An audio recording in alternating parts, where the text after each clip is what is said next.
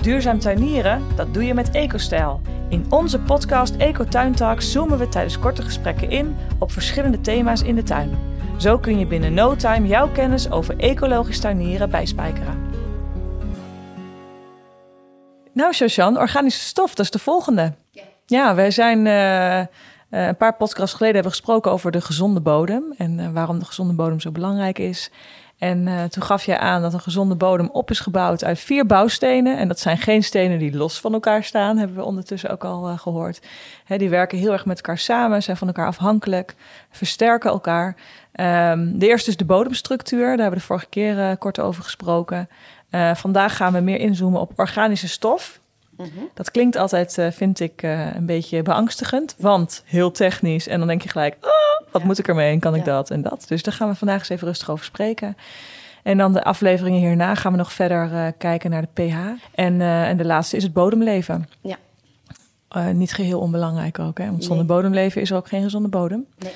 Maar laten we eens beginnen met organische stof. Ja. Um, wat is organische stof? Ja, wat is organische stof? Organische stof is al datgene wat leeft eigenlijk. Materiaal wat dat bestaat uit een aantal basiselementen, hè, van koolstof, stikstof, zuurstof, um, en die dat onderdeel zijn van het leven. Dat is eigenlijk organische stof. En dat, dat klinkt nog steeds heel, heel moeilijk. moeilijk. Ja. En als je dit nou eens in Jump en Janneke taal probeert te ja. zeggen, waar hebben we het dan over? Ja, over bijvoorbeeld uh, planten die dat um, uh, groeien en ja. die dat uh, na verloop van tijd afsterven en dan afgebroken worden, terug opnieuw tot de basiselementen. En ja, dus eigenlijk is het materiaal wat geleefd heeft, ja. uh, maar wat, wat, wat dood is gegaan en wat dan weer uh, in de kringloop terechtgekomen is. En dat, ja. dat, gaat, dat is dan organisch materiaal. Dus, dat, dus als ik het dan goed interpreteer, dat zijn dus blaadjes, afgevallen blaadjes, afgestorven wortels. Ja. Uh, kan het ook zijn bijvoorbeeld een muisje die doodgaat? Is dat Tuurlijk. ook dood organisch materiaal? Ja, het hoeft geen plant te zijn. Nee, Alles wat geleefd heeft en wat dat... Ja ja, in de kringloop terechtgekomen ja. is, komt, eindigt uiteindelijk als organische stof. Ja, mooi. En dan uiteindelijk in de bodem, als het dan helemaal doorverteerd is, uh, als humus. Als humus? Ja. Oké, okay, dus ook het muisje wordt uiteindelijk humus? Ja, alles wordt uiteindelijk humus. Ja, wat mooi. En uh, ja, waarom is dat belangrijk? Waarom is het een bouwsteen van een gezonde bodem? Omdat het, um, zoals ik al eerder zei, het cement is tussen de bodemdeeltjes. Ja. We hebben de fysische bodemdeeltjes, de, uh, de zandkorrels, de, de, zandkorrels, de kleikorrels.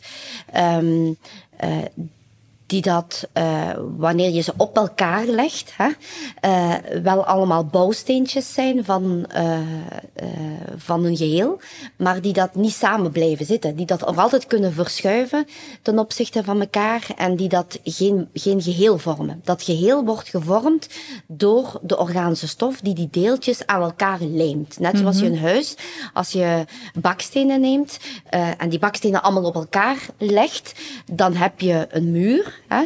Maar die muur die is niet stevig. En ja. die muur die, uh, is, die heeft ook geen ruimte uh, daartussen. Dus het, het, het, uh, de organische stof die gaat eigenlijk het cement tussen die, tussen die bouwstenen. is het ook een beetje te vergelijken met een boterham met hagelslag? Dus als je de losse hageltjes erop legt, dan valt het allemaal eraf. Maar het is een soort lijm, dus het plakt het eraan vast. Je bedoelt nu de boter? Ja. Dan. Oh ja, de boter. Ja. ja uh, niet helemaal, omdat het er, het, het, het, gaat er tussen zitten. Ja, precies. Dus je moet het echt zien als zijn de gronddeeltjes, uh, kleideeltjes, zanddeeltjes, waar tussen de organische stof als een lijmstof, en vandaar die bakstenen met ja. de cement ertussen, ja. als een lijmstof een geheel gaat vormen. Ja, interessant. Maar ook nog openingen laat. En die openingen, dat is dan de plek waar dat um, lucht en water uh, kunnen gaan. Ja, uh, dus zuurstof zitten. en, ja.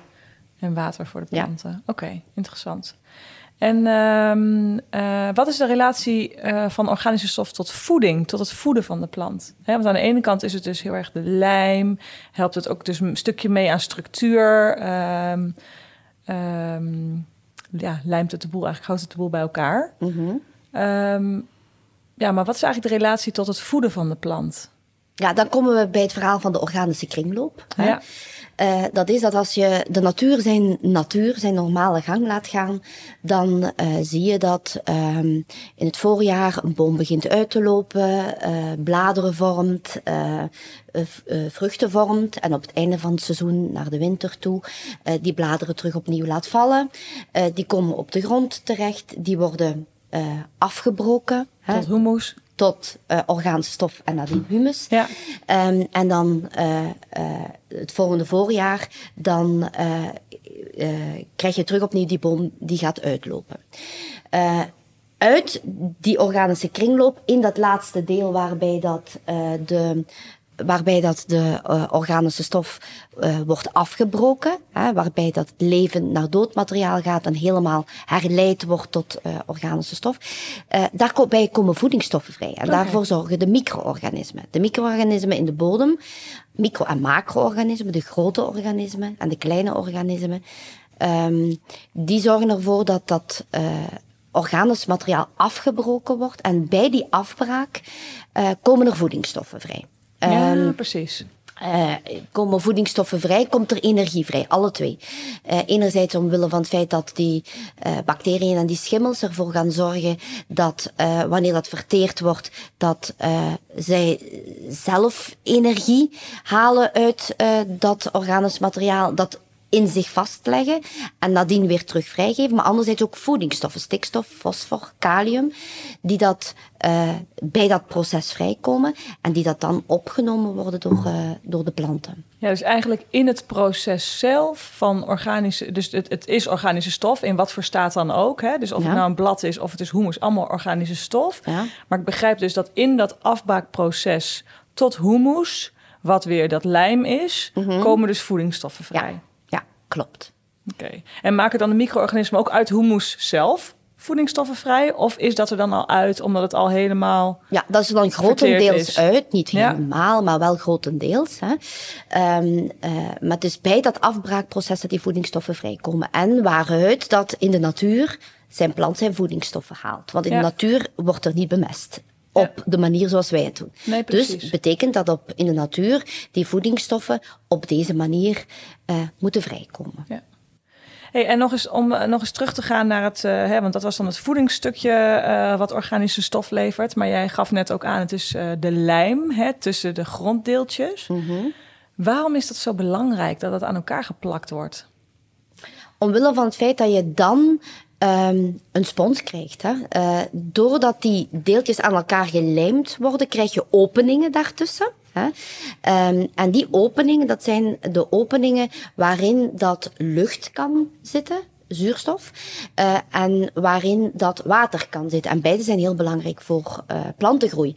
Dus, um, en waarop op die orgaanstof ook voedingsstoffen op hun beurt weer kunnen vastgelegd worden, die nadien kunnen vrijkomen uh, voor de planten. Dus het, is, het, het wordt eigenlijk een, ja, een, een levend geheel op die manier. Uh, losstaande van dat straks daar ook nog het bodemleven bij komt. Maar op, op deze manier wordt het eigenlijk al een, een, een basis waarin dat je um, ja, op een goede manier planten kan, uh, kan gaan kweken.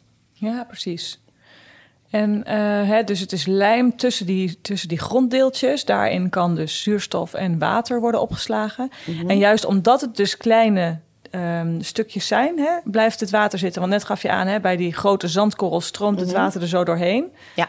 Uh, maar omdat dit kleinere ruimtes ja. zijn, blijft het wel zitten. Ja, jij krijgt een soort van ja, capillair, een moeilijke woord te gebruiken, een systeem waarbij dat het, uh, dat het water op die manier kan vastgehouden worden en terug vrijgegeven worden op het ogenblik dat de plant het opzuigt. Ja. Het is niet zo dat het er gewoon doorloopt. Of ja. niet dat het zodanig in zodanige kleine holtes zit dat de plant het er niet kan uitzuigen. Het is eigenlijk een ideale manier waarop plant, in, indien ze daar behoefte toe hebben, water kunnen gaan opnemen. Hey, en als ik jou zo hoor praten, heeft organische stof dan ook effect op uh, de gemakkelijkheid hoe een plant kan wortelen?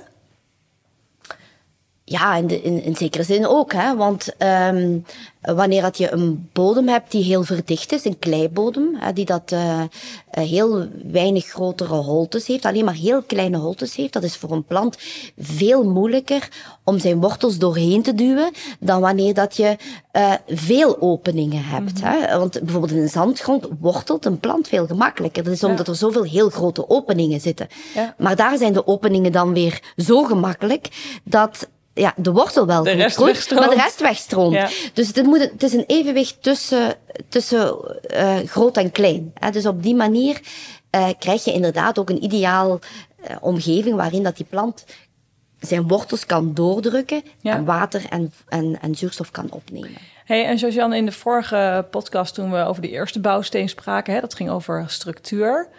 Uh, toen gaf jij aan van hey, je kan een, een zandgrond of een kleigrond uh, de structuur verbeteren door uh, bentoniet of basalt toe te voegen. Ja. Um, wat is eigenlijk het verschil tussen bentoniet of basalt als je dat gaat gebruiken om die structuur te verbeteren in, uh, in vergelijking met organische stof? als je bentoniet of basaltmeel gaat gebruiken, ga je het fysisch uh, verbeteren, dan ga je eigenlijk ervoor zorgen dat er tussen die grotere deel, deeltjes kleinere deeltjes, of tussen ja. die kleinere deeltjes grotere deeltjes gaat vastleggen. Maar met de organische stof ga je die ook aan elkaar lijmen. Ja. Nu, op zich kan je uh, ook een uh, zandgrond al heel erg verbeteren met alleen maar organische stof. Dus het is niet noodzakelijk dat je dat, dat je, dat je ook die bentoniet gebruikt. Ook met organische stoffen raak je al een heel eind. Ja, precies. Ja. Dus, maar als we het dan hebben over hoe kunnen we dit op een duurzame manier aanpakken. Dus langdurig. Langdurig, duurzamer, ervoor zorgen dat, uh, dat we een optimale situatie creëren. Ja. En dan is het een combinatie van de vier. Ja. Uh, maar aan alle vier afzonderlijk werken helpt ook al een heel, uh, een heel stuk. En um, hoe weet je eigenlijk dat je met de organische stofgehalte in je bodem aan de slag moet? Want dat klinkt natuurlijk best wel technisch. Dat is ja. het denk ik ook wel een beetje. Hè? Ja. Ik, uh, voordat ik bij EcoStel kwam werken, wist ik überhaupt niet wat het was. Nee. Dat het überhaupt belangrijk was mm -hmm. uh, voor een gezonde bodem. Dus hoe weet ik wanneer mijn organische stofgehalte in mijn tuin of in mijn bodem te laag is? Ja, dat, dat is uh, opnieuw, dan kan je een analyse laten doen. en voor de gemiddelde uh, Nederlander, hè, voor jij, jou en, jij en ik. Ja, jij zou ja. misschien er, ik zie jou er wel voor aan dat je het opstuurt. Maar ja. stel, ik wil gewoon dit weekend lekker aan de slag in mijn tuin. En hoe kan ik dan zien of ik wat aan mijn organische stofgehalte moet doen? Ja, eigenlijk heel veel in de tuin uh, draait erom dat je goed kijkt. Ja. Hè? Dat je goed kijkt uh, naar je tuin in de verschillende periodes van het jaar. Hè? In een droge periode, in een natte periode en kijk wat er precies gebeurt. Um, uh, als het water uh, op je perceel blijft staan, ja, dan kan dat te maken hebben met het feit dat je structuur niet goed is. Dat je echt een dikke kleilaag hebt die dat ja. ondoordringbaar is. Maar het kan ook gewoon zijn dat je eigenlijk niet voldoende organische stof hebt. En vaak is de combinatie uh, van de twee. Um, maar eigenlijk is, um, is vooral het antwoord: je kan niet te veel organische stof hebben. Dus, maar wel te weinig. En hoe kom ik daar dan achter? Ik heb het gevoel dat ik, hè, als ik stel, ik, zeg, ik, ik heb dan een onwijze zandgrond. Uh, maar stel, ik pak een handje uh, grond en het ja. voelt echt als gewoon ja, schraal eigenlijk, ja. schrale grond. Ja. Heb ik dan te weinig organische stof? Ja, als je, of is dat kort door de bocht? Ja, als je de organische, een, een bodem hebt met veel organische stof, hè, dan moet je dat eigenlijk, met heel veel organische stof, dan uh, dan moet je denken aan een bosgrond, bijvoorbeeld. Ja. Als je die neemt, dan voel je, dan, die ziet donker van ja. kleur, want die heeft, ja. organische stof is overal algemeen donker van kleur. Um, uh, die voelt ook, ook rullig aan. Ja, ja, en die ja. ruikt lekker. Ja. Uh, en je moet proberen... Een rijke grond. Ja, dus als je dit beschrijft, dan denk ik aan een rijke, rijke grond. Ja, je moet proberen in de buurt te komen. Ja, zo zeggen. Als je daar heel ver van afstaat, hè, dan... Dus wat lichter gekleurd, wat minder plakkerig aan elkaar. Ja, dan, dan voel je wel dat je niet voldoende organische stof hebt. Ja. Uh, maar opnieuw, je, je kan eigenlijk niet te veel organische. Dus alles wat je kan doen om het organische stofgehalte in je bodem uh, te verhogen, ja, daar heb je baat bij. Ja. Op korte en op lange termijn. En, en wat zou jij adviseren, hè? gewoon voor structureel tuinonderhoud, dus je niet echt hele grote problemen hebt? Zou je dan eigenlijk, zeg je dus bij deze, doe een soort onderhouds organische stofverrijking eigenlijk. Hè, hoe je ook misschien hè, twee of drie keer per jaar bemest. Uh, doe datzelfde met organische stof. Want je kan niet te veel hebben. Ja, en uh, je hoeft dat niet te doen. Je moet gewoon een aantal dingen niet doen in dat geval. Het is in dit geval heel eenvoudig. Ja. Uh, bijvoorbeeld, hè, uh, als je gras maait, doe het maaisel dan niet weg. Ja. maar laat je maaisel liggen. Ja. want alles wat je maait en weghaalt, is het weghalen van organische stof. Dus laat dat maaisel gewoon liggen, dan gaat dat wel verteren. Dan komt het als organische stof in je bodem terecht. Ja. Um, hetzelfde geldt met... Um, uh, met de bladeren, de bladeren die van de bomen vallen, uh, ruim die uh, niet, niet, weg. Ja. doe die niet naar het containerpark of in de kliko, maar hark die in je border. Hè, want daar gaan die achteraf, of geleidelijk aan, door het bodemleven afgebroken worden tot organische stof. Ja. Um, als je afval hebt van je moestuin, eh, van, ja, van je moestuin bijvoorbeeld. Hè. Je, je gaat uh, kolen oogsten of je gaat uh, uh, sla oogsten en je hebt nog wat dode bladeren. Ehm, ja, doe die niet allemaal in je, in je afvalbak, maar doe die op een composthoop. Houd lokaal, ja. eigenlijk. Ja, en zorg ervoor dat datgene wat je aan organische stof, aan levend materiaal in je tuin hebt wat doodgaat, dat je dat behoudt en dat je Ja. het terug opnieuw op je bodem brengt. En dan kan je niet te veel hebben. Met wat wij produceren in de tuin. zoveel mogelijk de kringloop, Kringloop. in je tuin, Ja. zeg jij. Ja. Mooi. Ja, die organische kringloop waar ik in vertelde, wat de natuur zelf doet, doe dat in de tuin ook. Doe dat zelf. En dan ga je een bodem hebben rijk aan organische stof. Ja. Nou, ik ben helemaal geïnspireerd. Dankjewel. Ja, voilà, zonder iets te doen. Super. Zo, jij weet weer een beetje meer over duurzaam tuinieren. Wil je nog meer leren? Abonneer je op Eco Tuin Talks, de podcast. Dan mis je nooit een nieuwe aflevering. Kun je niet wachten? Check dan onze website, Instagram page of schrijf je in voor onze nieuwsbrief.